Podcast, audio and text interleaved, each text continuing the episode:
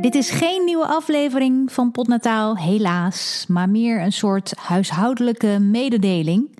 De release van de volgende aflevering laat eventjes iets langer op zich wachten. Een weekje om precies te zijn. Op 9 juni ben ik terug met een bijzondere nieuwe aflevering.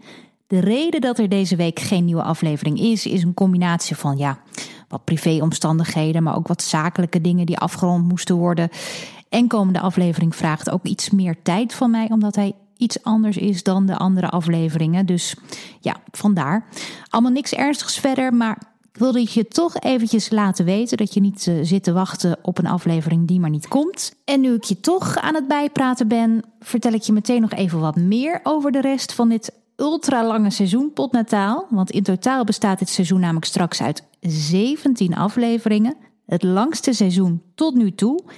En dat betekent dus dat er nog zes prachtige geboorteverhalen aan zitten te komen. Nou, dat is een mooi vooruitzicht, toch? In de tussentijd kun je natuurlijk het Instagram-account @potnataal of @simonewijnands bezoeken en oude afleveringen terugluisteren via je favoriete podcast-app. En het goede nieuws is natuurlijk ook dat het heerlijk weer is buiten, eindelijk. Dus ik zou zelf gewoon even lekker gaan genieten van de fluitende vogeltjes in de lentezon. Dat is het eventjes voor nu. Spreek je snel weer. Tot volgende week. Hoi.